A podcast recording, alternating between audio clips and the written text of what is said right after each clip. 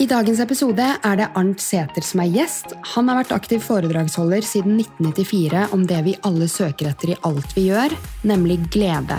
Han benyttes som inspirator i ulike bedrifter, men brukes også som refleksjonspartner for daglige ledere. Og denne episoden mener jeg oppriktig vil treffe alle og enhver, uansett hvilken livssituasjon du er i, hvor ung eller gammel du er, eller hva slags tittel du bærer på arbeidsplassen, fordi vi er innom så mange temaer som står oss alle så nært. Til syvende og sist så tror jeg vi alle bare ønsker å oppleve velvære og den dype gleden som ligger i å være i live, men som vi vet vil livet også innebære tap, sorg og vanskelige perioder. Å høre Arnt prate om selve livet var en stor inspirasjonskilde for meg, og jeg fikk mange nye perspektiver, så jeg håper du som lytter vil oppleve det samme. Men jeg syns i hvert fall det er en glede å ha deg her. Så koselig. I like måte. Det er en glede å være her. Ja, du, øh, Veien hit ble litt kronglete, men klarer du fortsatt å kjenne på en sånn glede? Ja. Og, ja. Det, så ja, det er, ja, er det mest at jeg er kald på fingrene, tror jeg. Sånn, ja. For det var veldig kaldt ute i dag. Iskaldt. Iskaldt. Å, herregud. Men uh, jeg kjente på det når jeg gikk gjennom Aker Brygge, og solen uh, slo meg i ansiktet, Ja. øh, og jeg skulle møte deg, så var jeg bare sånn Ok, nå, dette er glede. Ja, Dette dette er er øh, små gleder, men som betyr veldig mye, da. Mhm. Um, men øh, du er jo en veldig øh, interessant fyr. Eh, Eh, så koselig. ja, og jeg syns det er så kult, og du treffer meg veldig med hva du jobber med, og din karrierevei med å jobbe som gledesspreder. Du har gjort det siden jeg ble født, 1994. Ja, 1.9.1994 holdt jeg første gledesforedraget mitt. Ja, Kan du dele litt om eh, hvordan reisen begynte for din del som gledesspreder, og hva motiverte deg for denne karriereveien? Ja, det var det jeg tenkte. Du har bare en time, vet du. Så Ja, det blir jo, ja, kort det blir- ned. Nei da, jeg vil høre, Ja, men, eh, vi får- Ja, for det liksom, hva, hva er det du vil vite om det, egentlig? Altså, det som var for meg, Jeg vokste opp i en familie med en ressurssterk familie. Faren min var arkitekt og drev et arkitektkontor sammen med kompisen sin. og Moren min var musikklærer, og det var en sånn fremadstormende familie. på en måte, og Alt skulle bygge Norge etter krigen og greier. Så det var, um, altså vi, hadde, vi var tre søsken. Hadde hund, katt, enebolig. Faren min hadde en bygård, og så hadde vi tre hytter. Så vi hadde hytter på skogen over vannet oppe i fjellet, akkurat sånn som man liksom skulle da. Men moren min hadde et eh, veldig alvorlig alkoholproblem. Så, så det var egentlig en sånn tilsynelatende velfungerende familie som var veldig dysfunksjonell samtidig. da. Um, og det gjorde at det ble lagt mye mønstre og sånn, som igjen gjorde at jeg utvikla depresjon. Så jeg holdt på å ta mitt eget liv eh, da jeg var 20 år, ca. 1920. Studerte psykologi i Bergen, men uh, gjorde ikke det. Mm. Du Og- droppet ut av studiet? hva? Nei, jeg droppa. Jeg klarte, eller jeg tok psykologi grunnfag. Ja. Og så var det da den sommeren etter det, så bestemte jeg meg for Jeg, hadde, jeg satt og skrev nekrologen min, Mm. og så hadde jeg 4200 kroner igjen på kontoen. Ja. Og så tenkte jeg skal faen meg bruke de, altså, før jeg tar livet mitt. Så, oh. ve- ve- ja, Det høres veldig rart ut, ikke sant? Ja. Men så gjorde jeg, kjøpte jeg en internettbillett, og så dro jeg til England. Til en, eh, og så da kom jeg bort til en guru som het, indisk guru som het Krishnamurti. Mm. Det er ikke som, jo, noen har hørt om han. Og da var det skjedde et eller annet sånn skift. Der da mista jeg evnen til å snakke i to dager. Veldig, veldig rart. Ja, oi, ikke sant? Så, Ja. Men det var ikke sånn at jeg ikke kunne snakke, på en måte, men det var liksom alt jeg sa ble feil. Så det var ikke som hele hjernen eller ble sånn rekalibrert, nærmest. Det høres Mm. jo veldig rart ut, og det var veldig rart. Men uansett hva jeg sa, så ble det liksom feil. Men der tror jeg liksom traff bunnen, da. Mm. Så da bestemte jeg meg for at nå skal jeg bare gjøre det jeg har lyst til. Som jeg tror er godt for meg, og som vil føre, som vil føre meg bort fra depresjonen og over til lykke. da. ja. Ja. Så da begynte jeg. Så da, så da slutta jeg på psykologistudiet, flytta til Oslo, begynte å jobbe på kafé. Og så tok jeg en utdannelse i noe som heter Alexander-teknikk, for jeg syntes det var bra. Og så tok jeg en utdannelse noe som heter gjensidig terapi, og som ingen har hørt, eller veldig få har hørt om begge deler. Men det var egentlig liksom Det her, det er godt for meg. Så du fant din vei gjennom det mørke da, med å ha depresjon og egentlig ikke ønske å leve lenger? Ja, jeg, jeg, jeg vet ikke om jeg fant Altså, jeg fant i hvert fall veien ut av det, da, kan du si. Mm. Det er jo det jeg ofte har hørt når jeg har intervjuet terapeuter eller psykologer eller parterapeuter eller hva enn. Så de som hjelper noen Du hjelper jo bedrifter og enkeltpersoner med eh, Gleden. Ja, gleden, rett og Ja. slett. Eh, og det som ofte går igjen, er at det handler ofte om personlige erfaringer. Eh, den veien man går inn i, da. Den personlige erfaring er jo egentlig den eneste sanne viten. Mm. Det er det eneste vi rent faktisk vet noe om, for alt vi har lest, er jo ikke altså Vi har ikke nødvendigvis erfart det vi har lest. Nei! Så det er den erfaringen i livet, så det er den som gir rom for det. Og så er det jo ofte Jeg tror ikke man må ha opplevd sånn som meg så voldsomt for å velge en sånn vei, nødvendigvis. Så det er ikke, det er ikke sånn at liksom, vi må oppleve drit i livet for å bli glad. Det er bare at det er veldig mange som opplever noe drit i livet, og så bruker de det. Hvis de henter visdommen ut av det, så kan det bli veldig bra. Men jeg tenker jo Når jeg møter mennesker, så elsker jeg å snakke med de som har livserfaring. Ja. Og jeg mener at livserfaring er også de dårlige dagene, eh, sorgen, smerten. Ja. Og hvis du skulle hjulpet meg med å finne glede, så hadde jeg satt pris på at du også hadde kjent på hvordan det var å være i driten. Ja. Eh, fordi ellers hadde jeg tenkt at men han klarer, jeg klarer ikke å relatere meg til Arnt fordi han vet jo ikke hvordan det er å ha det mørkt. Så Det er mange som tenker, så, tenk, ja, det er vanlig å tenke sånn, Ja. så, men, men jeg, jeg har bare møtt noen mennesker som, som var overraskende har jeg hatt veldig tilsynelatende problemfrie liv. Altså, det var en dame som sa til meg jeg har drømmejobben min, jeg har ikke opplevd noe voldsomt. Jeg har, jeg er vokst med en sølvskje i munnen. Kan ikke jeg være glad, jeg, da? sier hun. Men det var hun, hun var veldig hyggelig. Ja. Ja. Jo, det er det jeg har hørt min mamma og pappa også sier eh, til oss, da, for vi er fire søsken. Og de snakker ofte Nå har alle flytta hjemmefra, fått egne liv, ikke sant? men vi har jo et, eh, god kontakt. Og det de ofte snakker om, eh, som de sier til oss, er eh, herregud, vi har ikke opplevd noe ille ennå. Vi, vi har hatt det så bra frem til nå. Ingen er syke. Alle, alle ungene har klart seg bra. Ja. Så de kjenner jo på den lykken over det, da. Ja, så vi trenger egentlig ikke Det behøver ikke ha vært trøblete for Nei. å vite hva glede er. For vi sier at ja, vi må ha vært triste for og sånn. Nei, hvis du bare takk Gud eller hvem du vil, han er seg for at Å, så heldig jeg er! Ikke sant? Ja. Ja. Men la oss høre. Hva Ja. er glede? Hva handler det om? Hva glede er. Altså det, og det er veldig viktig. For det første så er det det å skjønne hvor vi, altså Det skjønte ikke jeg. Jeg trodde bare glede var viktig for meg, for jeg var jo så ulykkelig. ikke sant? Så jeg måtte finne gleden. Men vi søker faktisk glede i alt vi gjør. Ja.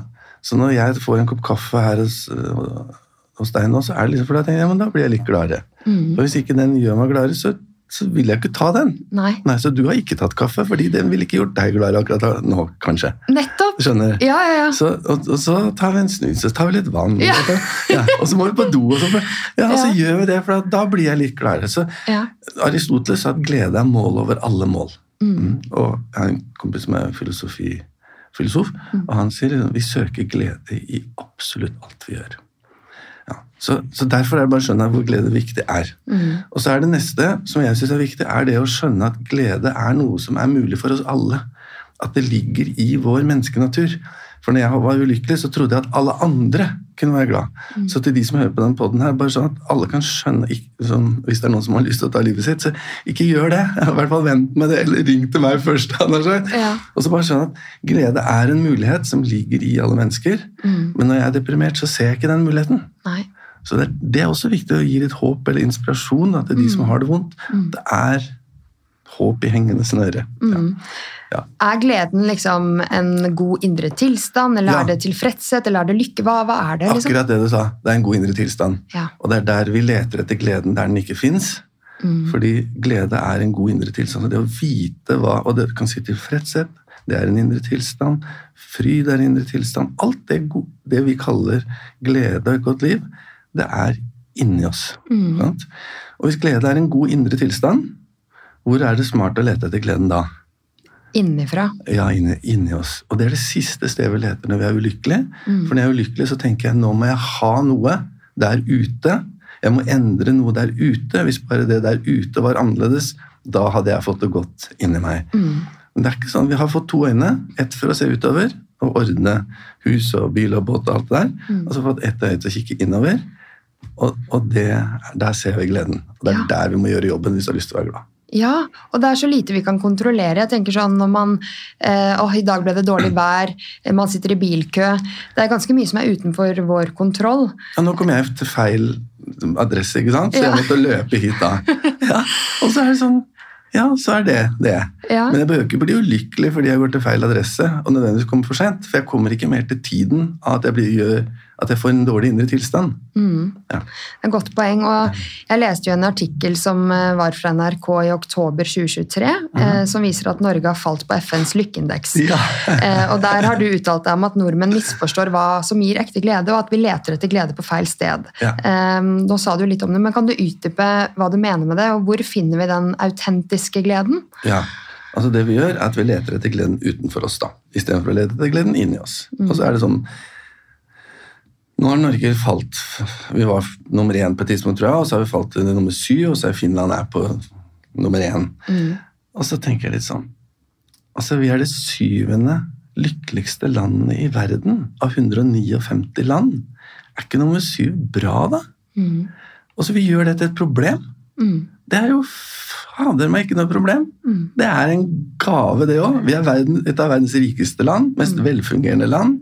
Uh, og, og vi er da fred. Mm. Og så får vi det til å bli et problem at vi er nummer syv. Ja.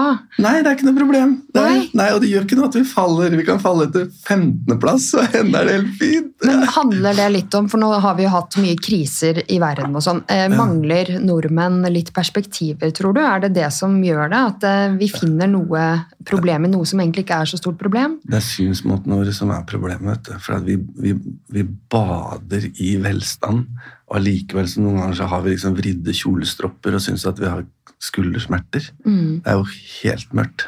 Ja. Mm. Men det, det- er fascinerende hvordan menneskesinnet fungerer. For jeg Ja. har vært i praksis i Zambia Ja. eh, med sykepleierstudiet, og jeg husker eh, Det var mange ting jeg tenkte sånn Åh, eh, Jeg trivdes veldig godt med å få den erfaringen, for jeg ville ha noe stikk motsatt fra Norge. Ja. Men når jeg kom hjem da, så uh, syns jeg det var en glede å vente på bussen. Fordi Kommer en eh, buss? ja, det kommer en buss. Mens jeg var vant da til at ting tok veldig lang tid. da. Eh, nå som jeg venter på bussen, eller Ja. hvis den er forsinka eller står i kø, så er jeg jo tilbake til der jeg var før jeg reiste til Zambia og fikk disse perspektivene. Yes. Men du må bare fange deg i det, at det er det du driver med. For det er det er sinnets natur. Så sinnet finner på alt mulig rart. ikke sant? Får den én, vil den ha to. Får den to, vil den ha fire. Mm. Jeg så en milliardær som satt på TV og sa jeg har ikke råd til å bo i Norge. Mm. Og hvis du har 1000 millioner, for det er en milliard, Ja. og du ikke har råd til å bo her, Oi. skjønner du? Altså, da, er det, da, da hjelper det ikke med mer. Nei. Og det er det vi tror det hjelper med. I natt så kjørte jeg jeg var og holdt foredrag for MS-foreningen i Sarpsborg i, i går kveld. Mm. Og så kjører jeg over Solhøgda fra Oslo til Hønefoss, hvor jeg bor. Mm. Og så ligger jeg bak en sånn, kommer jeg bak brøytebiler. da. Mm. Ikke sant? Og De kjører jo sakte, men de, de rydder jo veien. Og så foran meg så ligger det en bil mellom de brøytebilene og meg, Ja. og jeg ser at han vil forbi. Ja. Og fra Sandvika til Hønfoss, Hønefoss så kommer du ikke forbi. Nei. Nei, du gjør ikke det. Og han ligger og dytter på den brøytebilen, og jeg holder god avstand og tenker Fy søren, så heldig jeg er. Her kjører jeg natten på nybrøyta vei, liksom. Mm. Men det går sakte, da. Og jeg Ja. kommer jo mye seinere hjem. Men Mm. gjør det noe. Ja, ikke sant? Ikke Gjør det noe? Gjør det noe. Det er så mye i livet vårt som vi driver med sånn Er det noe vits i det jeg driver med? Er det vits i å krangle med partneren min? Og så hører hvis du sitter sammen med et vennepar, og så sier, sier den andre Ja, nei, det var på, på tirsdag, så var vi på Nei, det var ikke tirsdag. Det var torsdag. Mm. Skjønner du? Jeg vet det! Ja, sånn! Ja! Hva er poenget med det? Liksom? Ja, det der er veldig godt poeng, for jeg satt i parterapi her om dagen med min samboer. Og, og når eh, han da begynte å gå på detaljnivå om akkurat dette her, da Mm. Ja. Det var dette du sa i bilen den gangen, og ikke, så sier jeg men tror du parterapeuten er interessert i å høre om vi gikk til høyre eller venstre? Det, det, det der er sånne Det har ingenting å si! Så det er liksom eh, Man må finne liksom kjernen. Hva handler det om? Liksom, Jeg drømte om en sånn liten sånn tegneseriegris som kom en trillebår. Ja. Og så gikk den sånn forbi meg, sånn Disney-gris, liksom. De tre små griser Og så sier den der grisen i drømmen min da, så sier han, er det noe vits i det du driver med, eller er det bare en vits? Oh ja! Ja, Å ja. Og det er sånn, liksom, er det noe vits i det vi driver med her? Altså, er det verdt det? ja. Og så, og så dytte på en brøytebil fra Sandvika til Hønefoss. Mm. En time, sett på noe god musikk og legg deg 50 meter bak, da. Mm. Skjønner du? Men jeg synes det poenget du sa i stad med kaffekoppen, fordi jeg elsker kaffe. Morgenkaffen er min glede hver kveld før jeg sovner. Da gleder jeg meg over Så hver kveld før jeg sovner, så er det morgenkaffen. Da gleder jeg meg over at jeg skal drikke morgenkaffe i morgen. Det Ja. er så viktig for meg at jeg får nyte den. Ja. Så grunnen til at jeg ikke drikker kaffe nå, er fordi at jeg har på en måte fått min dose tidligere i dag, som jeg er eh, tilfreds med. Ja, og så så kanskje jeg trenger en utover dagen, men Ja. jeg drikker ikke kaffe etter klokka to. Nei. Men litt sånn, Jeg vet ikke hvor mange kaffekopper du har drukket, men du ville ha en kaffe nå, ikke sant? Ja. Er det det at vi eh, mye vil ha mer? Ja, altså det, og det vi gjør som er så feil, som kompisen min også sier så fint, han sier at vi søker Altså, em, velbehag er gledens verste fiende. Mm. Ja. Vi tenker én kopp kaffe, da blir jeg glad. Ja. To, da skal jeg liksom doble den. Mm. Men det er jo den morgenkaffen som er best. ja. Kopp nummer seks, ikke sant? Det er fortsatt en kopp, men den gjør meg ikke glad lenger. Den gjør meg svett i hendene og egentlig lykkelig. Så noen ganger så blir jeg mer glad av å la være Ja. med å ta den kaffen. Mm. Noen ganger så kan vi få like mye glede av å avstå fra noe som å gjøre noe. Mm. Hvis du har et rusproblem, eksempel, og du tenker liksom, nei, jeg, nå klarer jeg å la være. Mm. Da får du sånn, da får du en stamina-glede. Mm. Og den gleden er undervurdert. Mm. Og det er det vi Alle sånne visdomstradisjoner, er- da går vi på en gylne middelvei. Ja. For mye er for mye, for lite er for lite. Mm. Nok og passe er veldig vakkert. Mm. Alminnelig er vakkert. ja. Hverdagen er vakker. Ja. Men eh, er man selv ansvarlig for sin egen glede, eller er vi avhengig av de rundt oss, tenker du? Altså, jeg syns jo Når jeg spør folk på kurs hvem er ansvarlig for din Hvis jeg spør deg nå, hvem er ansvarlig for din indre tilstand? Hva svarer du da? Da svarer jeg meg selv, Flott. men Nei, jeg er Nei, derfor jeg nei. ikke glad for deg. Din indre tilstand kan ikke du gi til partneren din. Nei. Og det er det vi gjør.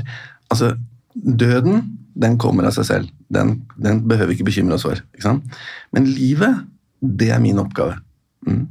Og din, ditt liv er din oppgave, mitt liv er min oppgave. Og da kan jeg ikke utdelegere den oppgaven til noen andre, men det er det vi gjør. Mm. Hadde det ikke vært for at du sa det, og du gjorde sånn og sånn, da hadde jeg vært glad nå. Ikke Ja. Nei, det er feil. Det du må si er, hvordan kan jeg ha det godt inni meg når du er sånn som du er? For du er sånn som du er. Mm.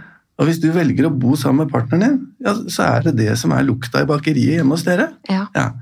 Og du kan prøve å endre en partner.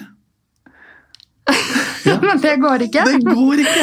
Fordi at du, hvis du er litt sånn sur og grinete på meg, det er ikke nok motivasjon for meg til å endre meg. At du, at du er misfornøyd med meg. Det er jeg klar. Nei, altså, Hvis jeg skal endre meg, så må jeg ville det så sånn wholeheartedly. Altså, Hvis du skal prøve å slanke deg eller øke muskelmassen eller hvis du skal slutte å drikke, slutte å røyke, slutte å snuse, slutte å bite negler Hva fader problemet ditt er, ikke sant? Mm. Det krever Det krever hele deg. Men hvorfor klarer vi det ikke? Det er vanskelig. Ja. Ja, det krever noe av oss. ikke sant? Livet er vanskelig. Men hvem fader sa at det var lett, da? Ja, det er sant. Men eh, vi, vi finner jo ofte noen å skylde på, om det som som du sier, partner. Man kan skylde på eh, kollegaer for at eh, jobbdagen ble dårlig. Ja. At barna gjør at du sover Altså, man skylder på ting hele tiden. Dårlig vær. Vi gir ansvaret til det ofte vi syns er liksom det mest irriterende. Så gir vi ansvaret for vår indre tilstand til det eller dem. Mm. Og der går vi på verdens største smell. Fordi ja, hvis, hvis, sant, hvis jeg skulle ta det ansvaret, ja, det er jo vanskelig. Og det krever jo mye av meg. Åssen skal jeg klare å forbli blid, eller ha det godt inni meg, når jeg møter en idiot, f.eks.? Mm. Og det er jo en kunst, og det krever jo alt. Mm. Jeg trodde, at, jeg trodde at andre hadde lettere liv enn meg. Det var liksom en av mine store feil. da. Og så var det liksom, Jeg skjønner ikke hvorfor er det så vanskelig for meg. Og det ser så lett ut for de andre. ikke sant? Mm. Og, det, bare det er jo en feiltanke, fordi andres liv er også vanskelig. Mm. Og så jeg ble over 50 år, så traff jeg en vis, veldig flott dame. Og så sier jeg til henne hvorfor er det så jævlig vanskelig å leve? Altså, hvorfor er det så vanskelig å være menneske? Mm. Og så så hun på meg som jeg liksom var en komplett idiot. Mm. Og så sier hun hvorfor ikke? Ja. Hvor, hvor har vi det fra at det skal bli lett? Og folk sier til det, meg det i foredragene mine. Ikke ja, ja, men det er ikke så lett, da. Nei, det vet jeg. Mm. Men vanskelig er gøy. Mm. Får du til noe som er vanskelig, så er det så belønnende. Det er det. Og der har jeg også klart å snu tankegangen min til at når jeg havner i perioder hvor jeg er litt sånn Nå blir jeg 30 om et par uker. Ja. Hatt litt aldersangst uten at jeg egentlig trenger å ha det. av en eller annen merkelig grunn. Det blir verre, bare vent! Å, ikke si det. Men liksom, hvis jeg er i sånn tankeboble om jobb, er jeg på riktig sted? Ja. Følger jeg egentlig det jeg vil med livet mitt? Eh, Bruker jeg nok tid på det jeg egentlig kjenner passion for? Ja. Alt det der. Alt det der. Um, så um, Skal jeg hjelpe deg med bare et lite spørsmål? Altså, Ja. for at, som er, for at Man blir liksom gnåla altså, livet sitt fullt. Og jeg sier, hva vil du? Hva vil du? Hva skal du? Og så må jeg si hva vil jeg, hva vil jeg? Så blir man så sliten av det spørsmålet. mm, Jeg tror kanskje spørsmålet er litt feil. mm, For hvis du heller spør hvilke konsekvenser vil jeg ha? mm, Så hva slags hverdag vil jeg ha? For da, hva må jeg gjøre for å få den hverdagen jeg vil ha? mm, Og så oppdager oppdager noen at faktisk så er jeg ganske tett på. Så jeg lette etter, jeg lette etter gleden i mange år, og så plutselig så fant jeg ut at nå har jeg nådd det. mm. Ja. Ja, og det er litt det at jeg har klart å se på eh, litt sånn utfordrende tanker som en spennende del av livet, istedenfor å grave meg ned med det. ja. Eh, jeg gikk ned i 60% stilling i fjor januar. Ja. Tjent veldig mye dårligere dette året, Ja. eh, men har hatt det mye bedre sånn eh. Vært mer tilfreds fordi jeg bruker enda mer tid på podcasten som jeg elsker. Kan hente ut litt tidligere i barnehagen noen ganger når det passer. Og det er jo det jeg Det finner jeg veldig mye glede i, da. Ja, fordi altså, Hvis du tenker sånn pengemessig, ikke sant? Mm. Når er nok når, når har jeg nok eller vi, når har jeg nok penger? Mm. For det er en sånn, sånn, en sånn list som bare stiger. Hvis du tjener 20, vil du ha 30, har du 30, vil du ha 40, 40, 100 også. Og så sitter du plutselig som milliardær, og fortsatt så er det ikke nok. Mm. Skjønner du? Ja, det er akkurat det. Ja. Men når var vendepunktet for deg når du skjønte at jeg har oppnådd glede i livet? Fordi jeg tror vi alle jakter på noe der fremme som vi ikke helt vet hva er, men det er en følelse av at da skal jeg bli lykkelig, eller Ja. da skal jeg kjenne på den gleden Ja. når jeg blir pensjonist, eller om tre år når uh, ungen er litt større. Da Ja, har vi da. det litt roligere hjemme. Liksom, det er alltid der fremme. Men når skjønte du at liksom, nei, vet du hva, det er disse dagene her som er livet, det er dette som er glede? Mm. Altså, jeg har skjønt det med forskjellig sånn grad hele veien, men for eksempel altså jeg, skjønner, jeg, jeg, gjen, jeg gjenskjønner det, hvis jeg kan si det sånn. Men i fjor så ble broren min myrdet.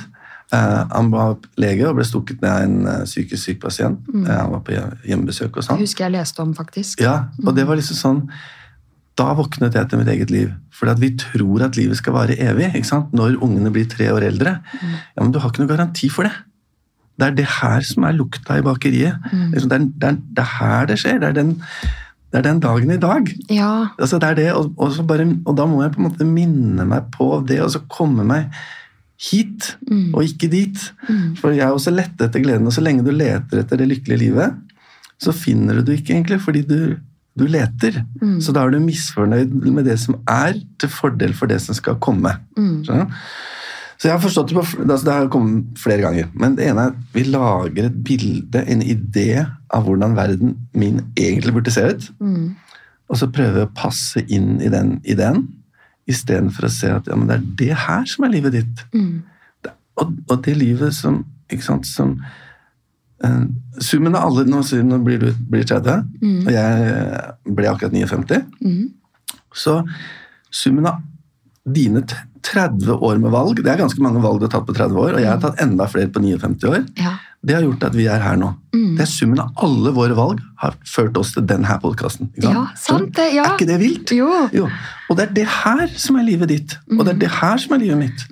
Ikke det som skal komme. Mm. Men tror du det krever en dypere forståelse av livet? Fordi jeg er en ganske dyp person. Jeg reflekterer veldig mye. Ja. Jeg er veldig interessert i mennesker som Egentlig alle mennesker. Men jeg relaterer veldig til eh, deg, til folk som jeg føler er litt på lik bølgelengde som meg selv. Og, Ja.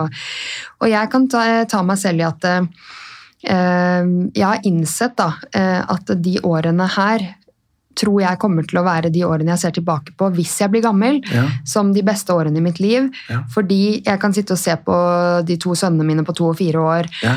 Uh, uten at det skjer noe spesielt, men bare nærværet og gleden er liksom så dyp for meg Mm. at uh, jeg har allerede nesten begynt å savne det. ja. Hvis du skjønner hva jeg mener? Det er sånn super sånn der mind trap, vet du. Ja. Fordi at tenk, ikke sant, det er sånn eh, Nasse Neffe Ole Brumm sitter jo under tre, ikke sant? og så sier Nasse Neffe og tenk hvis treet faller i hodet på oss, og så sier Nasse Nøffe, nei, så sier Ole Brumm ja, tenk hvis de ikke gjør det. For nå, ikke sant, du kan hende at du kan komme til å savne det, men tenk hvis livet ditt blir enda bedre, da. ja. Ja. Hadde ikke det vært en mulighet til å åpne altså, Det kan hende du tar feil. Det, det kan like gjerne hende at det, det går kjempebra. ja. Kan at du bare er på begynnelsen av din lykkekarriere, hvis man skulle kalt det det. Ja, ja, ja. Og det er jo det at man til, jeg tror du kommer til å ende opp med å klype deg i armen over liksom, Er det her virkelig sant? Altså? Ja. Ja.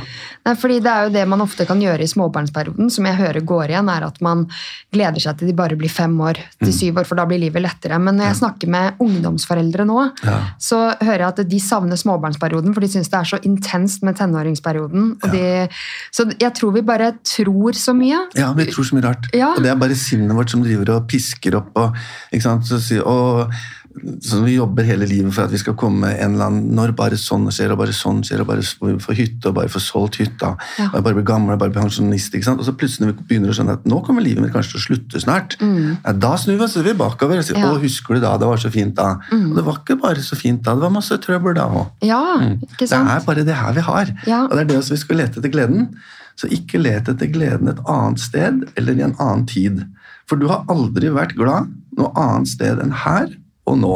Sant. Derfor så må du være her og nå hvis du har lyst til å finne det lykkelige liv. Mm. Så istedenfor å også egentlig si 'finne lykken', hva hvis jeg sa 'kan du ikke la lykken finne deg'? Ja. Mm.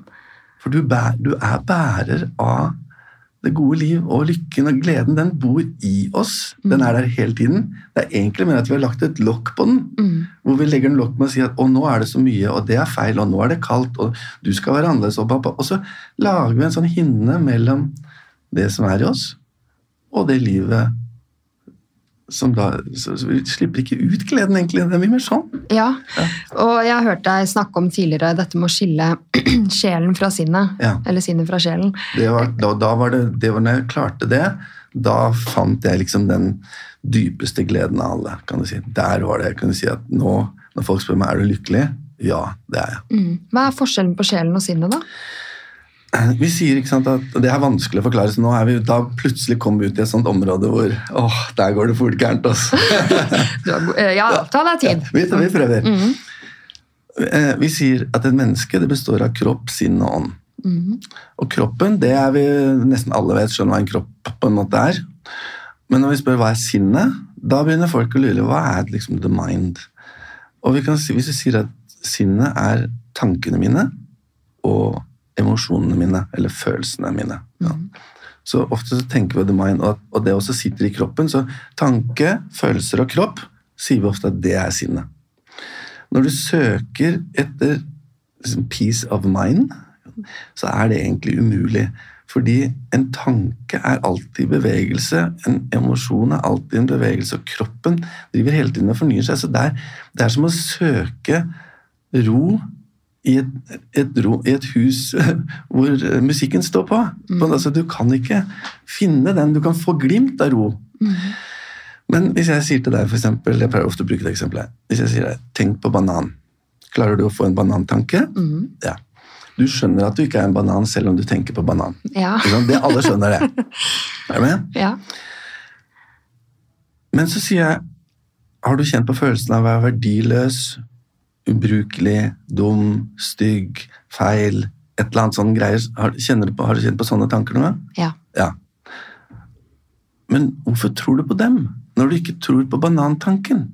Mm. Skjønner du? Fordi det er bare akkurat det samme, bare at det er ikke banan, det er bare verdiløshet. Mm. Så, du må ikke, så må, vi må ikke tro på halvparten av det vi tenker, for det bare surrer og går. Skjønner du? Men det at du kan Du skjønner at 'Å, nå tenker jeg på banan'.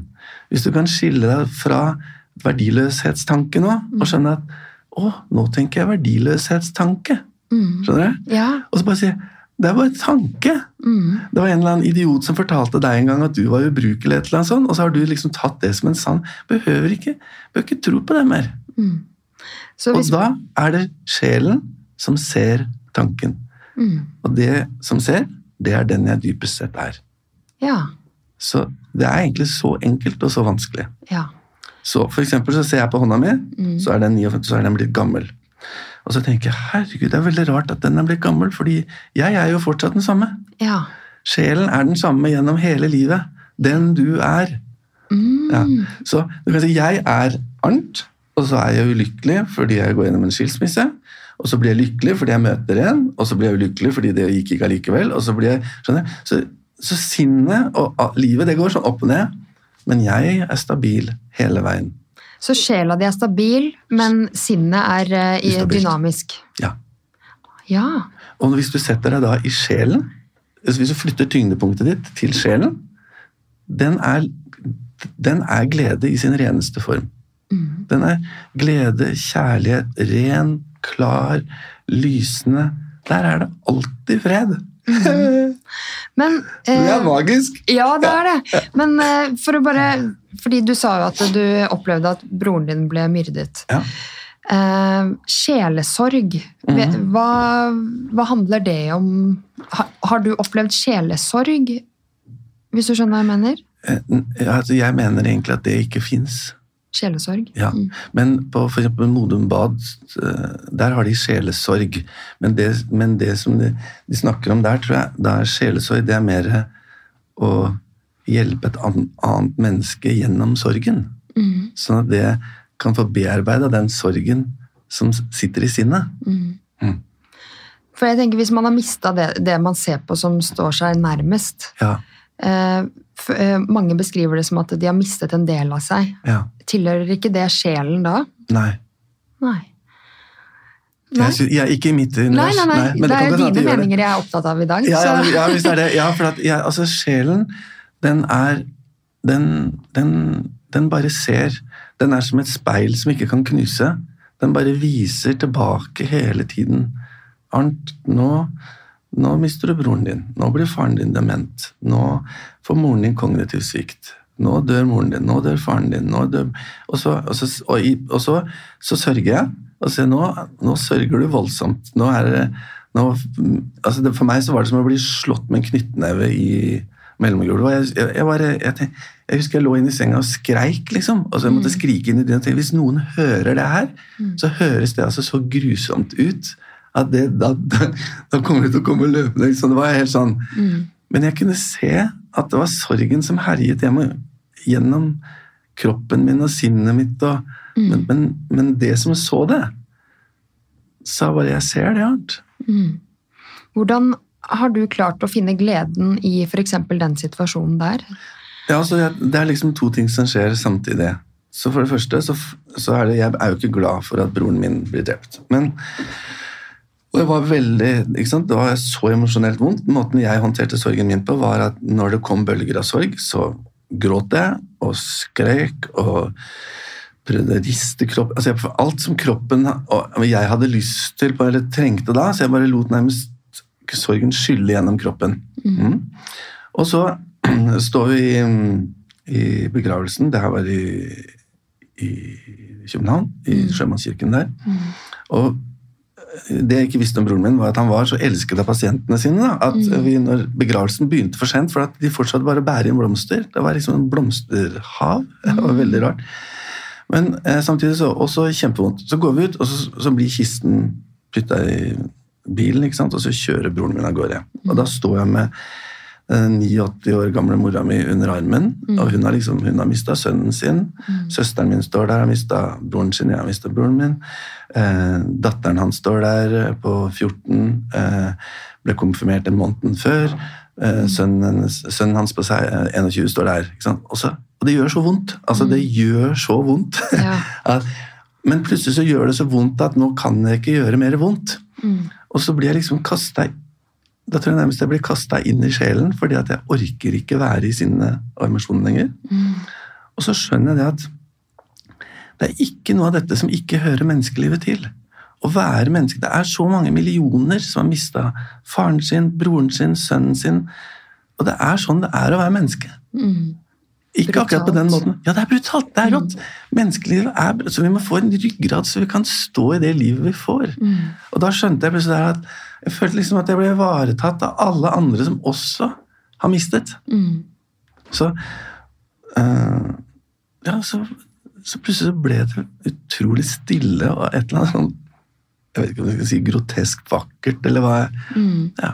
Ja, jeg har snakka med så mange venner, podkastgjester, em, som har stått i uh, sorg, og jeg bare innser hvor forskjellige sorgprosesser er. ja. Det er veldig forskjellig. Ja, fordi jeg har alltid hatt et bilde av at uh, hvis noen dør, så jeg er veldig emosjonell av meg, sånn føler veldig mye. Mm. Uh, Og i begravelser som jeg har vært i, så kan jeg reagere på hvis de som står en person nærme, ikke gråter så mye. Ja. Men så har jeg skjønt bare med årene at det er jo ikke den eneste måten å sørge på. Å gråte høyt og Nei. Nei. Nei. Det, man må bare finne sin egen. Mm. Ja. Eh, Men hva tror du er viktige elementer i å komme gjennom sorgprosesser eller vanskelige perioder mens man bevarer en kjerne av glede? Altså jeg, sånn for min del, jeg, jeg kan egentlig bare snakke for meg, for meg så er, hva er det rett og slett bare å sørge. Å sørge så lenge det skal sørges, men jeg skal ikke dyrke sorgen. Og det er forskjellen. På bare la den, for meg så er det, Jeg får det som sånne bølger. Bare skyller ut, plutselig sitter jeg og spiller piano, og så kommer jeg og tenker på broren min, og så bare begynner jeg å gråte, og så bare lar jeg meg selv gråte. Det er egentlig, jeg var på Lillo Stitch med sønnen min da han var liten. Ja. Tegnefilm, ikke sant? Og så sitter vi der, og så holder jeg på å begynne å gråte. Og så var jeg, tror jeg var 34 år, og sånn, så tenker jeg Arnt, du begynner ikke å gråte på barnetegnefilm. Det altså, det, det, det fikk, jeg, fikk jeg meg ikke til. Og så ser jeg ned på sønnen min, han sitter der fire år gammel, og sånn, og tårene bare renner. vet du. Han bare sitter der, og så sier jeg 'Går det bra, eller Fridtjof?' Og så blir han litt irritert på meg. Ikke sant? Så sier jeg 'Jeg bare gråter da, pappa'. Så. Ja. Ja. Og så tenker han sånn Kan vi ikke bare sørge, da? Mm. Hva, og hva er galt med å gråte, sørge, være redd, være lei meg? Altså, det må jo være helt det er, Du kommer ikke gjennom et liv uten å sørge. Nei, men hvorfor tror du vi begrenser oss sånn i de tabu følelsene som da gråte, øh, sorg, sinne? Um, for der er det en barriere, føler jeg. Vi skal vise den gleden. Den skal liksom være så ehm, Det er jo litt det når vi spør Hvis jeg hadde spurt deg eh, hvordan har du det, Ja, så føler jeg at det, det jeg egentlig spør om, er hvor stor glede kjenner du på? Ja. Er det ikke det vi egentlig gjør? Når vi spør hvordan har du det, for vi, da spør vi jo egentlig Vi prøver å måle i hodet, i mitt hode tenker jeg i hvert fall sånn at nå skal jeg høre hvor mye glede den andre kjenner på, eventuelt hvor mye smerte den kjenner på. Ja. Er det ikke det vi basically spør om? Når vi spør hvordan har du det? hvordan? Jo, kanskje. Jo. Ofte svarer man jo bare 'det går bra'. Ja. Hva, med deg, da? Ja, Eh, og så når jeg ser at situasjonen tillater det, så kan jeg svare litt dypere. Ja, hvis jeg ikke ikke har det bra. ja.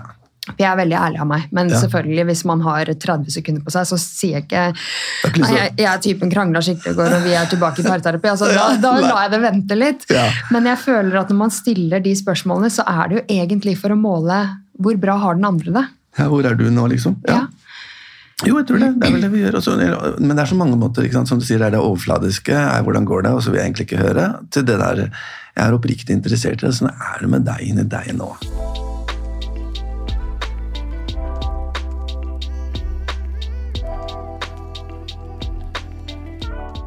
Men eh, du som holder foredrag eh, i ulike mm, bedrifter og eh, på arbeidsplasser, Ja. eh, møter du noe motstand eller eh, skeptisisme når du introduserer gleding i ulike miljøer? Ja. Det er jo altså, det er mange Det er jo ja, du har alle liksom variasjoner av det der, som for eksempel så er det Og jeg skjønner det. Noen, når jeg er på sånn rehabiliteringssenter og folk har fått amputert et eller annet, eller de har fått eh, kreft, eller de har fått eh, hørselstap, eller tinnitus, eller meniere, eller noe sånt, mm. så skjønner jeg jo det at da kan det være vanskelig å skulle høre på en som er glad. For det gjør vondt, rett og slett, for jeg har det vondt nå. Og det er kanskje ikke alle sånne perioder i livet at vi behøver å være så opptatt av gleden, for noen ganger så handler det mer om å overleve, finne en strategi igjen, kanskje. Men så er det noen som sier at det går ikke an å være så glad. Ja, og du kan ikke alltid være glad, vet du. Og masse sånne floskler som de bare fyrer av, og nå blir jeg litt provosert av deg, for det går jo ikke an. Og, og det er jo sånn er vi jo, men det er jo, vi, de, de klager jo på meg fordi det tenk, de tenker da skal jeg si noe annet, og så skal de bli glad. Så det er samme greie igjen. Ja. Så vi, vi gjør så mye dumt egentlig for å ja, men, ja, jeg skjønner hvis du, er, hvis du er vant til å klage, og nå kommer det plutselig en som sier at det kan du ikke fortsette med. liksom. Ja, men hvem er jeg da? For noen mennesker har bygd opp hele identiteten sin rundt å klage, eller rundt å være bekymret, eller ikke sant? Og da, hvis du skal være glad, så må du redusere litt sånn bekymring, klage, katastrofetenkning. Det å sitte og jatte med at ja, ja, nei, nå er det noe dritt, og fader, det er så kaldt, og nei, de brøyter så dårlig i denne byen her. Mm. altså, du kan ikke drive på sånn hvis du, vil hvis du har lyst til å ha et godt liv. Du har fått en gave. Mm. Altså, du har fått gaven å få lov til å leve et menneskeliv. Du kunne blitt en meitemark i kompostningen min. Ja. Altså, jeg så en, en, en munk som kom etter mange år i fransk munk som kom hjem til Frankrike etter mange år i Afrika. ikke sant? Så, så skrur han på krana, så kommer det vann. Så slår han av, og så skrur han på en gang til, og så kommer det vann neste gang òg. Liksom. Mm. Og så skrur han på varmt vann, og så, så det kom det varmt vann. Mm. Han, han måtte rett og slett ja, og, og det er litt sånn. Ja. Ja, vi har fått en kropp. Hvis du, liksom, har, er du heldig, så har du funksjonsfriske barn. Er du uheldig, så har, har du ikke så funksjonsfrisk, men allikevel så har du fått et barn. Mm. Altså, jeg mista en bror, men jeg fikk jo en bror. Mm. Tenker du at det, det finnes en mening med livet, eller handler det om flaks og uflaks? Fordi jeg, jeg har ofte stått Jeg reflekterte litt over det i jula når vi dro til Gran Canaria da, mm. på, for å få litt D-vitaminboost. Ja. Og flyreisen ned fikk minstemann feber. Ja. Uflaks. Ja. Kom vi fram, rakk akkurat å sitte på med turbussen til hotellet Flaks. Ja. Kom vi til hotellet. ehm, der får vi et rom som vi var kjempefornøyd med, mye bedre enn det vi trodde. Flaks. Ja. Dagen etter så holder samboeren min på å knuse med et uhell fingrene på minstemann i baderomsdøra. Ja. Uflaks. Ja. Eh, og så måtte han på sykehuset og ta røntgen. Ja. Eh, så det, jeg, jeg bare reflekterte over det på den reisen at flaks, uflaks, flaks, uflaks. Eh, og at eh, det er noe av det som øker også gleden når ting går bra. For det er jo ikke en glede at man holder på å brekke fingrene på, på barnet sitt, men det er en glede når man får påvist at det var ikke brudd. Nei. Ikke sant? Sånn, ja. Og så ikke bare det, men for meg så er det nesten litt annerledes. For det er akkurat sånn, skal vi si eksistensen, da, eller livet, livet det gir. Og det gir, det gir eh, fingerbrudd, det gir en tur til Gran Canaria, det gir en jobb, eh, det gir snø, det gir kulde. Men hele livet er Altså, livet bare gir. Men så sier jeg nei, det vil jeg ikke ha. Og så begynner jeg liksom å dømme livet som nei, det skal ikke jeg ha, men det vil jeg ha. Og så nei, ikke sånn, det skal være sånn, nei, det skal ikke skje. Men livet ser ikke sånn på det. Den ser ikke liksom i, nærmest heller i flaks eller uflaks. Den bare, bare gir og gir Ja.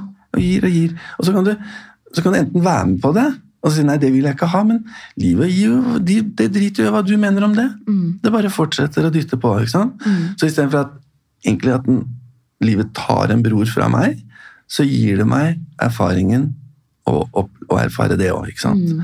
Så ja, vi har så lyst vi, vi, vi skal liksom si at det er bra og dårlig. I øvrig, bare når du sier flaks og uflaks, så er det Jeg tror det er en lege på, på Gjøvik, en sånn Gjøvik, han, han har doktorgrad i, i uflaks. Ja, og Veldig kul bok og veldig fin fyr. Ja. Ja, Mm. Den heter Uflaks, boka hans. Ja, Men hva tenker du, hvordan kan vi se på dette med meningen med livet? Er det Ja. bare en selv som kan finne meningen med livet, eller er det en annen måte å se på det på? Ja, jeg har en veldig annen måte å se det på. Ja. Fordi for meg så er livet mening. Enig? Ja, Det Ja. er mening i seg selv. Altså Når du lever, så kan du ikke ikke erfare mening. Mm. Det er altså ja, det er så en gave. Så, og, og, men noen så, så folk, ja, altså, ja, men Det er jo en mening med ting og sånn. Ja, Vi kan gi det mening, men det er ikke sånn det er ikke, det, er ikke, det er ikke vi som bestemmer på en måte om det skal være mening eller ikke. Det bare, men, det, men du kan oppleve det mening. Du kan oppleve mening Mm. bare ved å leve. Mm. Og noe som oppleves meningsfylt for noen, Ja. trenger jo ikke å gjøre det for noen andre. Nei. Akkurat som med gleden, da, at noe som ga meg glede for fem år siden, gir meg kanskje ikke glede i dag. Nei. Og litt som du snakket om den kaffekoppen. Ja. Um, at jeg klarer å slutte på de to koppene som ga meg glede i dag tidlig, enn Ja. å bare hige etter mer. Ja, det, Um, så jeg tenker eh, mening uh, finner man egentlig uh, i det gode og det Kanskje ikke dårlige, men at I alt. Ja, i alt. Ja. Eh, men eh, kan du dele noen perspektiver som kan ta lytteren nærmere sin lykke? Mm. Er, er lykke noe annet enn glede, forresten? Jeg syns ikke det. Jeg tar sånn glad, fornøyd, tilfreds, fred, ro, stillhet, indre godhet, altså kjærlighet. For meg er det bare en sånn stor pakke. Ja. Ikke sant? For det, det, og, så for meg er òg at Hvis du kan si at det er en indre tilstand, det er tilgjengelig for alle, og at det er noe som Gleden kan kun blomstre her. Så du har aldri vært glad der. Nei. Du er bare, det er ikke noen annen mulighet. Så kom deg hit. Mm. For det er her vi er. Mm. Så over, overalt i mitt liv er der hvor jeg til enhver tid er. Så overalt er her, så let her. Mm. Ja. Og samme også, ikke sant? Vi skal da Den gangen jeg var jeg så glad, eller jeg skal bli så glad når jeg kommer til Gran Canaria. Ja. ja. Og, så, og så kommer jeg til Gran Canaria, og da står jeg og venter på kofferten, og så sier jeg inni meg ja, men når, jeg bare, når vi bare kommer ut til drosjen, eller når vi bare når bussen og så sitter vi på bussen, og så, når vi bare får kommet inn på hotellet nå, får liksom sjekka inn der, da, og mens vi sjekker inn, så sier vi nå bare hva, hvor, skal vi, hvor skal vi spise i dag? Ja, vi må finne en restaurant. eller skjønner du? Når vi bare finner restauranten. Og vi er ikke ferdig med hovedretten før vi liksom skal ha dessert. Ja. Og dessert, Hvordan skal vi komme oss hjem? Ja. Så vi er aldri her. Nei. Vi er dit vi skal, eller dit vi kom fra. Ja, Mm. Ja. Husker du da vi var her på Gran Canaria i fjor, Mm. og, og gutten vår klemte fingrene? Husker du det, eller? Ja. Og så sitter vi der hvor vi er, og snakker om i fjor.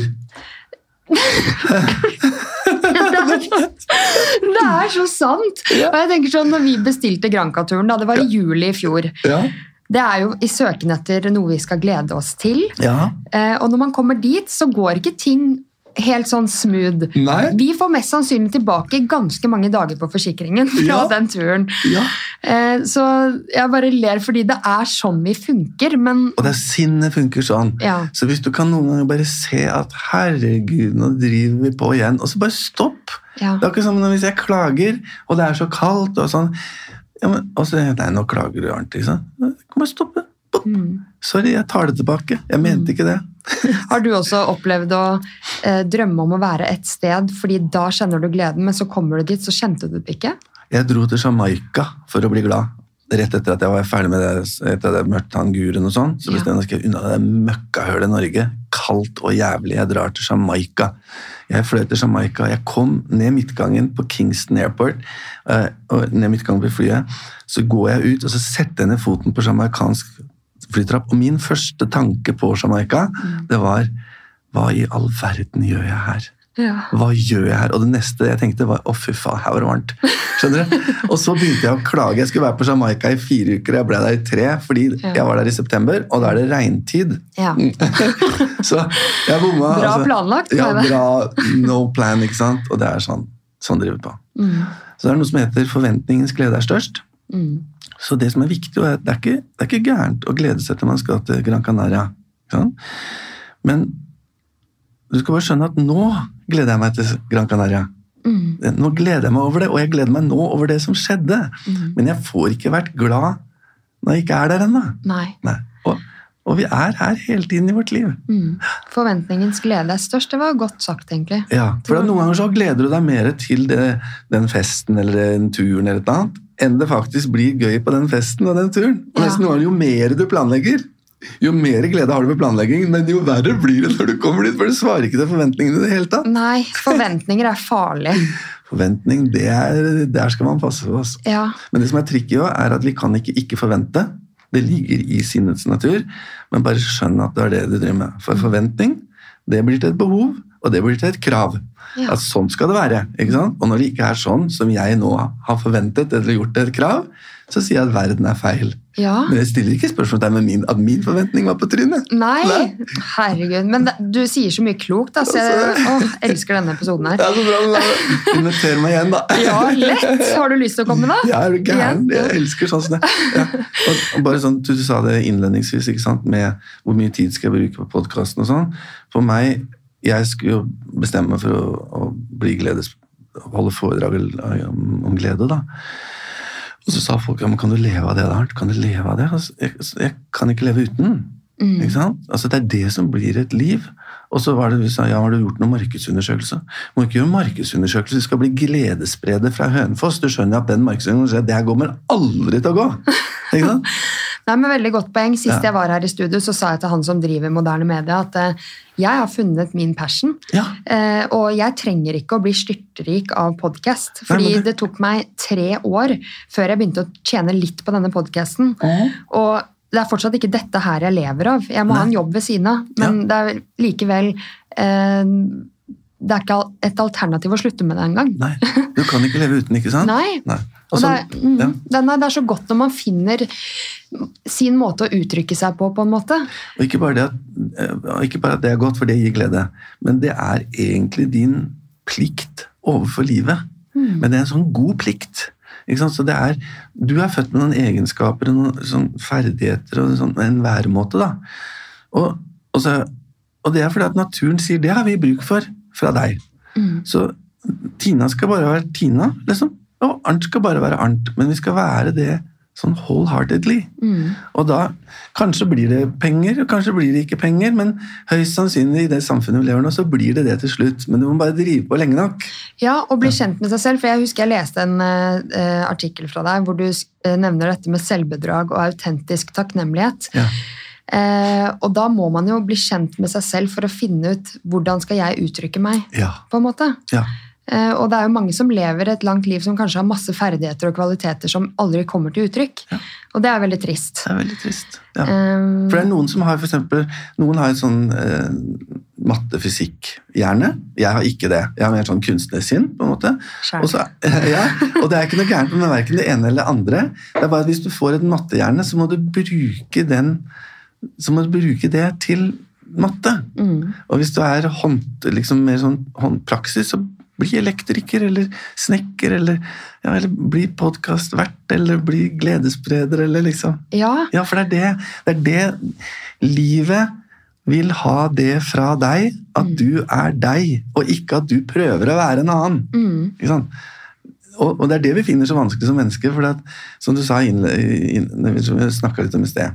Hvorfor, hvorfor deler vi ikke det vanskelige med hverandre? For når jeg kommer til deg, så, så sier jeg hei, jeg heter Arnt, og jeg heter Tina. Ja, hva driver du med? Og du er podkastvert, og jeg er profesjonell gledesspreder, og ja, det går så bra, og bla, bla, bla. Sånn, ikke sant? Jeg sier jo ikke hei, jeg heter Arnt, og jeg, jeg er litt lat, jeg. Og, og jeg er ganske mye redd, egentlig. Jeg går rundt og har litt sånn små angst ganger, så er jeg litt depressiv, og så, og, så, og så ljuger jeg litt, liksom. Jeg pynter på sannheten og sånn fordi at jeg tør ikke annet. Så vi deler ikke sånt. Nei. Men vi er det òg. Men det jeg ikke har lyst til å være, det viser jeg liksom ikke frem. Men hvis jeg tar frem det òg, så sier jeg at altså, der ligger en gave. ikke sant? Mm. Er det selvbedrag, tenker du, når Ja. man ikke møter frykten sin? Ja, eller i hvert fall, altså Jeg behøver ikke møte men jeg, jeg må i hvert fall innrømme den. Ja. Ja. At jeg er redd, og så kan jeg innrømme at nå er jeg så redd at jeg tør ikke. Mm. Ja, For I den artikkelen om takknemlighet så skriver du at takknemlighet er ikke noe du må gjøre, men noe jeg er. Ja. Um, og du skriver noe godt som eh, dette med at man kan praktisere takknemlighetsøvelser i det uendelige, mm. men hvis du er i et parforhold du ikke trives i, eller en jobb du ikke finner mening i, så, så vil det ikke funke å være, gjøre takknemlighetsøvelser. Nei. Kan du dele mer om de perspektivene du delte der? Ja, jeg kan prøve. Ja. Men hvert fall, det, det er liksom sånn en ting er at vi har et sånt verdisett som jeg har, jeg har en verdisett som jeg har lyst til, har lyst til å fremstå sånn. ikke sant? Men hvis jeg er ærlig, så er jeg ikke sånn. Under. Så det er noen som liksom, ja, man må tenke positivt, vet du. Ja, jeg, jeg er en positiv tenker. Det er liksom noen som er veldig opptatt av det, hvor positive det er. Og så, men fy fader, nå er det kaldt. Og da, da at da har du bare lagt et sånt hva heter det, sånn marsipanlokk oppå en dritt, på en måte. Og det er, dritten er der fortsatt. Mm. Så at jeg ikke vil vedstå meg sannheten, på en måte, eller sannhet det, Selv om jeg dytter det inn i et skap, så, så er dritten i skapet. Ja. Ja. Og det, Man, man må rett og slett begynne å bli litt ærlig med seg selv, da. ikke rett og slett, altså. Nei. og du må være ærlig, for jeg så en, en litt artig film her nå, så var det det står en mor og en datter, og, så er det en, og moren vil veldig gjerne at datteren skal finne en kjæreste. og så har hun da med en mann som, hun, som er dyrlege, som hun mener at han er perfekt match. da. Og så, så begynner de å snakke om utroskap, og så sier moren liksom, til datteren mens han hører på ja, han ville f.eks. aldri være utro. sier han. eh, og så sier hun datteren til han jo, du ville jo være det hvis ingen fikk, fikk det å vite. Hvis ingen fikk det, så hadde det vært utro. Og så sier han helt sånn overrasket så nei, jeg ville ikke det. Ja, hvorfor ikke det? Nei, for jeg ville jo vite det. Ja. Så han ville jo vite at han var utro. Hvis jeg lurer deg, så jeg vet jo. Jeg kan, jeg kan lure alle på foredraget og si 'kjøp boka mi', f.eks. Ja. Men Og alle blir lurt. Men jeg vet jo at jeg ikke, at jeg ikke snakker sant. Mm. Og det er det vi, vi må Vi må skjønne at vi må leve At jeg lever med meg hele livet. Ja. Ikke sant? Så, så når jeg lyver overfor meg, så er det jeg som lider. ja. Ja. Det er vel forska på at vi mennesker eh, lyver flere ganger om dagen. Ni ganger om dagen eller sånt noe. Ja. Hvorfor gjør vi det? Jo, men det er fordi at vi skal sånn fungere sammen. Ja, så det er litt sånn der småløgn. Liksom, for å få, det er bare olje i maskineriet. Men vi har sånn andre typer løgner som, som det er der, der, der det går gærent for oss. Ja, de, de som gir større konsekvenser. Ja. Sånn hvis du kjenner at eh, du har det ikke godt i parforholdet, men så har du egentlig et valg om å gå. Men samtidig så er det ikke alltid at man ser seg selv utenfra og tenker at det, nå er det riktig tid å gå. Eller, Nei. Og så da, det er- det ikke alltid at det er riktig å gå heller, nødvendigvis. Men, så, så det er vanskelig, det er sammensatt, og, det er, og vi skal drive på helt til vi dør. Men mange kjenner jo på indre uro. Ja. Eh, noen gjør det i større grad enn andre, og jeg tror alle opplever å kjenne på den indre uroen Ja. eh, i noen perioder i livet. Ja. Eh, hvordan kan man se på uroen som noe positivt, tenker du? Altså, det kommer an på hva slags uro det er. Men eksempel hvis jeg er redd, da. La oss si at jeg er redd. Og så ja, Jeg kan ta et eksempel. Jeg, jeg, jeg, siden du er liksom på parforhold, eller siden det Ja, ja, det, så sitter jeg sammen med samboeren min, Alison. Vi sitter i sofaen, vi skal kose oss med en Netflix-film. Og så har vi en pose chips mellom oss. Det er jo krise, for det er bare tull. fordi sånn chips i sofaen og sånn, men vi hadde det fra vi hadde hatt besøk. Og Man må ikke spise chips og se på film, for at man får ikke med seg at man har spist det. Sier Boff, og så er det en pose borte. Og så tar hun en chips, og så tygger hun med munnen åpen liksom de første to tyggene. Og nå skal vi kose oss, og så sitter jeg og hører på det her. Skjønner du? Jeg blir, altså, jeg blir så irritert skjønner, du, på det derre og, så, og, så, og hun er 53, eller sånn, og sier til en 53 år gammel dame du gidder du lukke munnen når du spiser chips. Det, er, det går ordentlig dass. Da noe, det blir ikke noe hyggelig film. Skjønner du? Så det skjønner jeg det kan jeg ikke si. Så, men jeg blir irritert, da. Og så tar jeg og, og så prøver jeg ikke å høre på det, se på film, men jeg klarer ikke å høre den der lyden der. ikke sant? Og så tar jeg hele neven nedi i bollen, så tar jeg fyller munnen med chips, og så tygger jeg med åpen munn sånn der ja, For nå skal jeg gjøre henne oppmerksom på det. ikke sant? Ja. Og hun hører jo ikke det. For hun driter i det. Ja, ja. Det-? Så, så jeg sitter da bare irritert med munnen full av chips, får ikke med meg filmen, aner ikke hva jeg skal altså, og blir, og blir irritert. Så tenker jeg, Arnt, hvorfor, hvorfor blir du så irritert, liksom? Skjønner? Og da er det jo en uro. Og så Hva kommer den uroen fra? Når jeg var liten, så faren min han var sånn som Jeg fikk ørefiker altså hvis jeg ikke gjorde sånn som han sa i stad. Så smalt det skikkelig, så det gjorde jo vondt, da, Ja, kan du si. ja, ja. Og da var det hjemme hos oss, så lukker du munnen når du spiser. ikke sant? Og hvis du ikke gjør det, så får du vondt i kinnet. Mm. Sier du da. Ja. Og da lukker du munnen når du spiser. Mm. Så det Alison gjør med å holde munnen åpen, er strengt tatt at hun liksom tisser på steintavlene i vår familie. At her, så hun setter seg egentlig opp mot faren min. Ja. Skjønner du? Inni meg. Ja, ja, ja. Og da tenkte jeg plutselig sånn Ja, men Arnt, behøver, må vi opprettholde de steintavlene? Du er, du er 56 år, og, det, og det liksom Vi, kan jo bare tygge munnen åpen. ja. Hva, hva er problemet? Skjønner? Og så, så, så, så, egentlig så er det bare det der at hun ser Og da tenkte jeg liksom, ok, vi legger bort, vi tygger med munnen åpen de første to greit, og så ja. stilnet uroen. Ja, det der var jo et funny eksempel, fordi Ja. det der er veldig gjenkjennbart. Men jeg føler jo også at når det handler om andre, en annen indre uro Ja, for eksempel, men da, hvilke- da må vi, Så, ja. Hvilken type uro kan det være, tenker da? Um, nei, Det kan være at man kjenner at man har kort lunte, Ja. at man har høyt stress uten at det egentlig er en stressende situasjon. Og så Ja. uh, har jeg prøvd å si til meg selv at det, denne uroen har noe informasjon til meg som jeg må prøve å finne ut av. Ja, det er kjempebra. Det er et utrolig bra spørsmål. Mm. Og hva finner du ut av da? Det kan jo være alt fra Er det for mye på jobben? Mm. Må jeg senke ned farten der? Ja, Eh, har jeg underliggende dårlig samvittighet fordi at eh, jeg egentlig gikk ned i stilling også for å hente ut tidligere, men så har jeg kanskje ikke hentet ut tidligere denne Nei, uka. Altså, sånn. Og det er jo, altså, det er jo altså, å se på uro sånn. ja. Ja, Det er jo en gave fra Gud. Ja. Ja, Så tenker du også at det er mye informasjon i uro? Å, yes! Mm. Ja, det, jeg, tror det er liksom, jeg tror faktisk vi nesten også kan gå gjennom uroen til gleden. da. Mm. For det er ofte den som legger seg som det lokket over, Ja. som, som egentlig bare hindrer gleden. Ja. Så å bli glad er ofte også bare liksom å, å kle av seg Mm. et mønster etter et mønster etter mønster, og det viser seg ofte i uro. Mm. Men vi må gå litt over på arbeidsglede, fordi du jobber jo mye med det òg. Mm. Hva er arbeidsglede? Åh, Ja. Her går vi fra det ene til det andre. ja, men det er bra, det. Altså, ja, arbeidsglede. Hvis du ser på ordet arbeid, så tror jeg det var fra gresk og betyr slave. Mm. Ja, så det er ikke så lystbetont.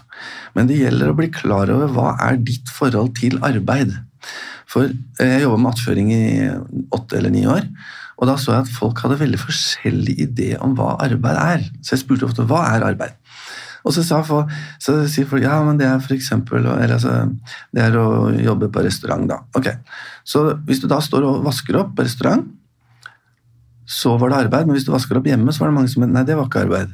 Men det er, du, gjør, du gjør akkurat det samme. Det er arbeid begge deler. Mm. Ja. Og så hadde jeg en på kurset, som var hva er arbeid? Så sa han ja, når jeg bor på Hønefoss, så sa han arbeid det er å gjøre den jævla driten som ikke sjefen gidder å gjøre sjøl. Mm. Det var hans idé arbeid. Mm. Og da skjønte jeg at hvis det, jeg trodde, jeg trodde han tulla, men han gjorde ikke det. da. Eh, og da skjønte jeg at hvis jeg skal få han ut i jobb, så må jo han få et annet forhold til arbeid. Mm. Så for meg for eksempel, så er arbeid å skape. Det kan være å produsere. Jo mer positivt forhold du har til ordet arbeid, så for meg er det å skape. Så jeg arbeider egentlig aldri, men alltid. Mm. Ja. Og glede det er en god indre tilstand. Så arbeid det er å skape, for meg er det å skape med en god indre tilstand. Ja. Ikke sant? Og da blir det noe veldig positivt, for da har det ikke egentlig noe å si. Noen ganger så får jeg betalt, som nå, jeg får ikke betalt for den podkasten her, men jeg får, får spredd eh, kallet mitt, og kallet mitt er å dele gleden med andre. Ja. Så da er det liksom å ja, da, Det er arbeidsglede. Mm. Så det er, det er bare å ha det godt inni seg mens vi skaper. ja. Det er godt forklart, egentlig. Og man trenger ikke alltid å få betalt for arbeidet, for det kan likevel finnes mening i det arbeidet du gjør. Ja, Det er jo et arbeid for deg å være, komme hit fra Hønefoss for å gjeste denne podkasten, Ja. men eh, det gir deg mening å ja gjøre det Ja, det. er jo full arbeidsglede. Det er bare ulønnet i denne settingen. Så er det en eller annen som vil ha meg på foredrag der de er. ikke sant? Og så, Mhm. så ja, sånn henger altså, det, det flyter inn i sansene. det. Mhm. Eh, hva, hva bidrar til arbeidsglede, og er det noen grunnleggende faktorer som må være på plass for å oppnå det, tenker du? Ja, det er, men det er sånn som jeg ofte når jeg kommer ut i en bedrift, så prøver jeg å se hva er det for noe her som eventuelt hindrer gleden. Også, og også, for det er så forskjellig. For noen steder så er det sjefen som kanskje trenger mer bevisstgjøring. Eh, Noen steder så er det en ansatt eller to som har rotta seg sammen og som driver og drar suger ut arbeidsgleden. Så, og, og noen steder så er det feil opplevelse av hva man egentlig driver med. For så er det jo man, ja, ja, men det er, så, det, er, ja, det er så mye nå, og det er så vanskelig nå, vi har så dårlig råd, og liksom, bap, bap, bap, alt er litt sånn feil. da. Og så tenker jeg, Når du søker en jobb, så står det jo ikke at vi søker en medarbeider til den stillingen, en som er flink til å klage, som sutrer, som syns det er tungt, som mener det er for mye, som vil motsette seg endring. Mm. Så det er liksom det å bli litt sånn realitetsorientert. Hva, hva, er, hva er det vi driver med her? Mm. Eh, for vi kan ikke, vi, altså vi ødelegger vårt eget liv og går og klager over jobben vår Mm. også. Mm. Bet- Er det et tegn på at man er, kanskje er på feil sted òg, eller kan det ha noe med ledelsen å gjøre? Altså det, kan ha noe, med- det er det som er vanskelig. Liksom. Det kan ha noe med alt å gjøre. Det kan ha noe med at jeg er på feil sted, det kan ha noe med ledelsen å gjøre, men det kan ha aller mest med meg å gjøre. Ja. ja. Men For det er jeg som har det vondt. Ja, men tenker du at det er en tabbe liksom, at man reiser på dyre jobbseminarer, eh, man får gratis mat, det er underholdning, alkohol, fyll, eh, fyll og fest, Ja. eh, i mål om at det skal skape arbeidsglede? Ja, altså jeg, jeg tror noen ganger at vi det går på en smell der, altså. Vi har vært med på sånn der, jeg tar med bedrifter på danskebåten og Kiel-ferja og sånn, og det er ikke noe gærent med det, selvfølgelig, for det er jo faglige greier, men så plutselig så går folk til middag, og så drikker de seg ut, og så bare surflyter de rundt på båten, liksom. Og det, er, det blir jo ikke noe Og så snakker man til neste julebord og husker hvor full vi var på i Kiel. For Det, er ikke noe- det er ikke noe innhold i det. vet du. Så eh, Noen ganger så tror jeg man kunne spart veldig mye penger bare på å gjøre helt andre ting. En gang så hadde jeg en, en, sånn kickoff hvor vi dro på en hytte oppe i Hallingdal. Og vi lagde maten sammen, og folk måtte liksom jobbe sammen med å lage mat og servere hverandre. Og, altså, bare sånn det å få, og, og det, det ble mye mer samhold av det. Det var en av de beste sånne skal vi kalle det kickoffer jeg har vært på. da. Ja. Ja, så vi behøver ikke hoppe i strikk nødvendigvis, men det er ikke det at det er noe gærent med å hoppe i strikk eller dra på Kiel-ferie, hvis du skjønner, skjønner hva jeg mener? Ja, jeg skjønner hva du mener. Så, men noen ganger, for noen ganger er det sånn at det, hvis det skjer en krise på jobben, en person har eksempel velta på sykkel på vei til jobben og er, blitt ordentlig alvorlig skadd, for eksempel, så kan det samle en bedrift mye mer, eller en avdeling mye mer, Mm. enn det å dra på Kiel-ferja. Mm. Så, så noen ganger så kan det skje sånne ting. eller at man, Jeg skjønner egentlig ikke hvorfor man sier man sitter i dårlige lokaler. og så Kan ikke vi møtes på lørdag, så maler, så maler vi eller, eller rydder eller Ja. Ja, gjør, så gjør vi det sammen. Gjør helt sånn alminnelig vanlige ting sammen. Da får man en erfaring sammen. Mm. Godt poeng. Hvordan tenker du en leder kan lede med glede, da? Å lede med glede er at jeg som leder prøver å ha det så godt inni meg som mulig. Sant? Så jeg jobber sånn at jeg er ærlig med meg, lever autentisk, ser liksom, er, prøver å være takknemlig for den ledige jobben jeg har. Og så ser jeg på deg, hvis jeg skal lede deg, hvordan kan jeg få deg til å få det godt inni deg? Mm. Sånn. Det jeg skjønner at det er ditt ansvar, men jeg kan likevel stimulere til det. Så for, for eksempel så er det sånn Når folk får det vondt inni seg, så sier de vi må ha noe annet på jobb, vi må ha andre rutiner, og vi må ditt og datt. Og så er det egentlig bare at Nei, det er, det er ikke det som skal til. Det er du som må se på det på en annen måte, f.eks. Eller jeg kom inn på en, en avdeling i en barnehage, og så sier hun som står der så, så, sier jeg, Åssen går det? Nei, det går ikke bra, vet du. Ungene har vært helt umulige i dag. Og da kom jeg fra en avdeling hvor det var bråk, og så kom jeg opp en annen, og det er samme lydnivå. Men hun syns at de er bråkete og umulige. Ja. Da kan jeg som voksen si nå er dere stille, ikke sant? Og da er barna stille i to minutter, og så er vi der vi var. Mm. Og så så jeg det var jo ikke det som var problemet, det var at hun hadde jo vondt inni seg. Ja. Så jeg sier til henne du trenger kanskje en klem, du, da. sier jeg. Ja, gjør du det? Så. Ja. Og så sto vi bare og holdt rundt hverandre kanskje et minutt eller sånn. Og så, så ble det fred på avdeling. Ja. Ja. For at når, når, når vi har det godt inni oss, da er det fred på vår jord. Da, altså, når glede er målet over alle mål Hvis du tenker på en gang i livet hvor det var glad, fornøyd, tilfreds, ikke sant? Kanskje er du der nå, men hvis du tenker på en gang du var det, en periode i livet hvor du syntes var helt sånn top notch ikke? Mangla du noe, da? Eh, Jeg gjorde jo det, hvis jeg skal være helt ærlig. Nei, du ønska deg noen ting. Ja, det er sant, men jeg manglet ingenting. du manglet nei, nei, ingenting. Det var Nei. godt at du retta på meg der, fordi Ja. jeg manglet ingenting. Nei, det er nettopp Men det. jeg ønsket meg noe. Du ønsker, vi ønsker oss noe, ikke sant? Ja. men du mangler ingenting. Og da hvis du kan bare se det at når vi har det godt, så mangler vi ikke noe. Mm.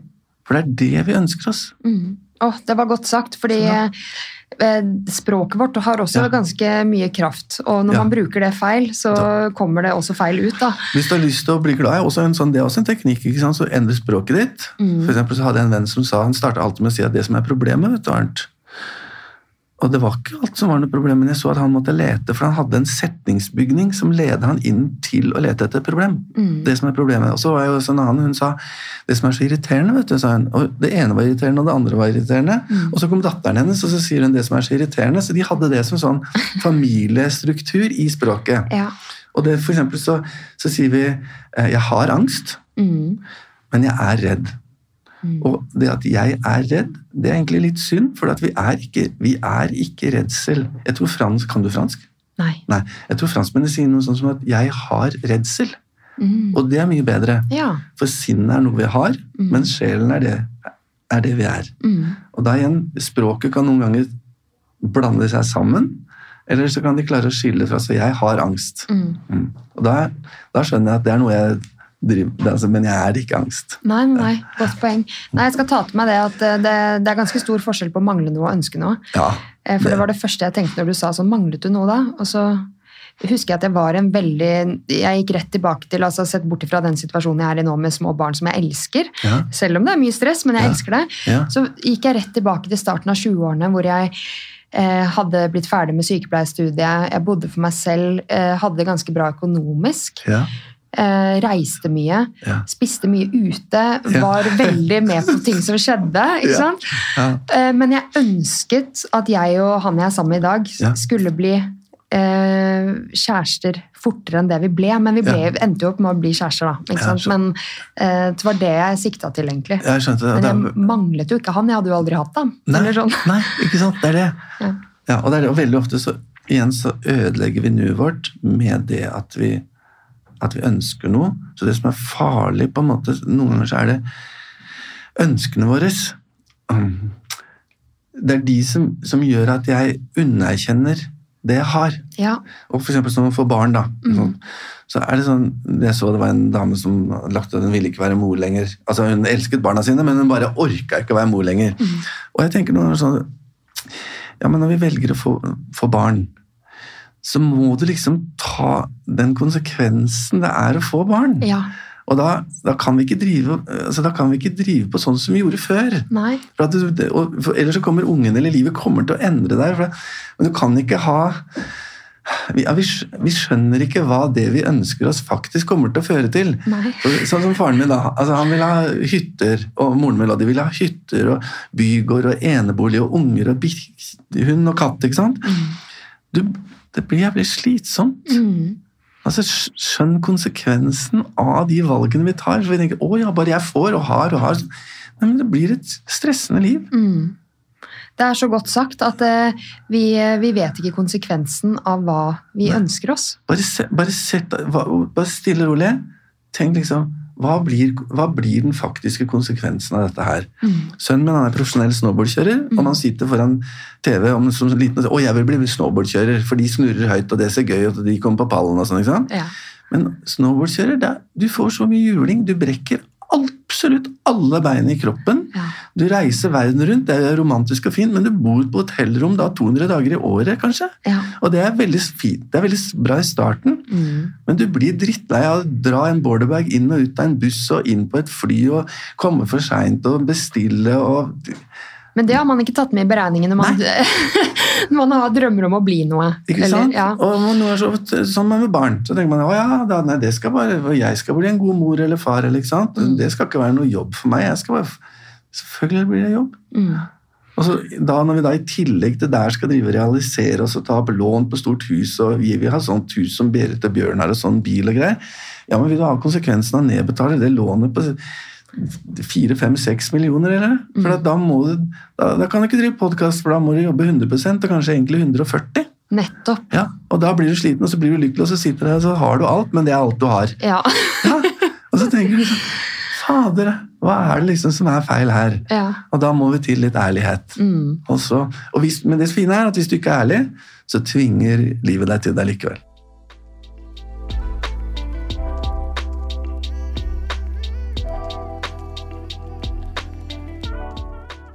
Hvordan starter du uken best mulig? Ja, det var, jeg må si jeg ødelegger jo litt de spørsmålene for deg. Så. Nei da, Nei, det gjør du ikke. Nei, men jeg bare lurer på Når starter uken? Å ja. Det var et godt poeng. For for meg så er liksom Uken starter hele tiden. Så, Ja. ja, Det er bare en ny uke. Ny, Ja. det er sånn som til nyttår, og så er det sånn Å ja, men i dag er jo nyttår. Altså, det, er på, det er nytt, alt er jo nytt hele tiden, så Ja. jeg, jeg fant ikke ut når uken min startet. Det er veldig den, veldig godt sagt, egentlig. den er bare her hele tiden. Mm. Men- ja, men jeg syns det var bra svar. Du trenger ikke å utfylle det noe mer. er egentlig. bra, fordi det jeg også er, er litt motstander av at eh, nyttårsaften, nye mål, nye muligheter. Ja. Men så er jeg sånn, kan man ikke starte på det 6. mars, liksom, hvis man har lyst Ja. til det? Eller i 11. november, når man befinner jeg skal, jeg skal slutte å ruse meg. Jeg, i, da skal jeg vente til 1. januar. Nei. 11. november er en fin dag å slutte å Ja. ruse seg på.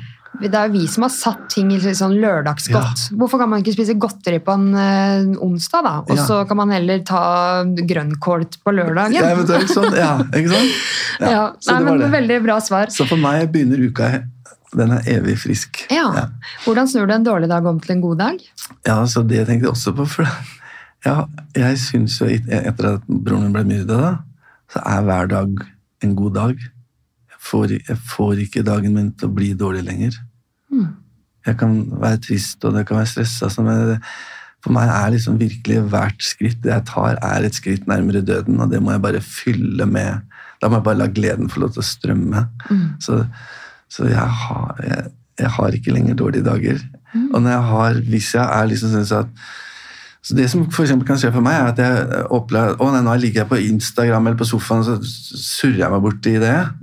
Og så tenker jeg bare sånn Men det her gjør meg ikke glad. Og så slutter jeg, da. Ja, Gjør som meg, ta ett år pause fra sosiale medier. ja det tror jeg er smart. altså. Ja, jeg er snart et halvt år inne i et sånn selvvalgt prosjekt. Ah, så Elsker det. Ja, Elsker å ikke være på sosiale medier. ja, Det er ikke noe å hente der, skjønner du. Nei, og jeg savner det ikke, så vi får se hva som skjer i august. Men Ja. eh, frem til nå har jeg ikke savnet det. Nei, så bra. Mm. Hva er du takknemlig for? Alt.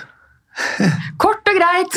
Ja, altså jeg, jeg, jeg har egentlig Nei, jeg, vet du, jeg, jeg, jeg er egentlig nesten ikke noe takknemlig for noen gang. Jeg bare føler på en enorm takknemlighet.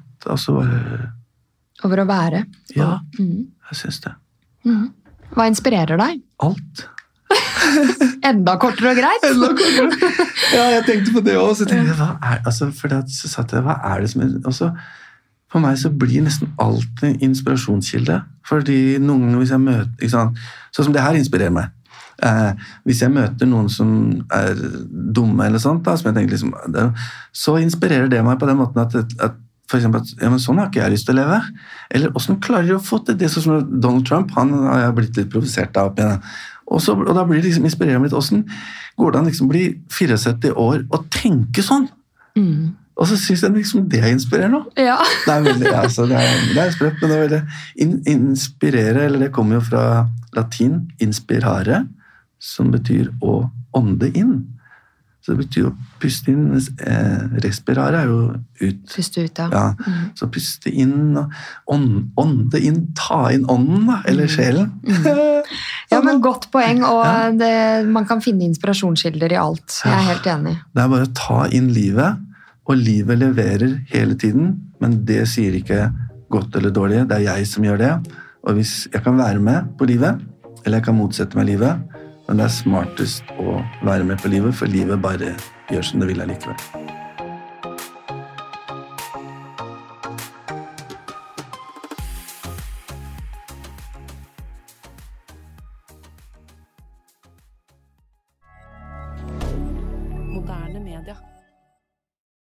Har du et enkeltpersonforetak eller en liten bedrift? Da er du sikkert lei av å høre meg snakke om hvor enkelt det er med kvitteringer og bilag i fiken, så vi eh, gir oss her, vi. Fordi vi liker enkelt. Fiken superenkelt regnskap.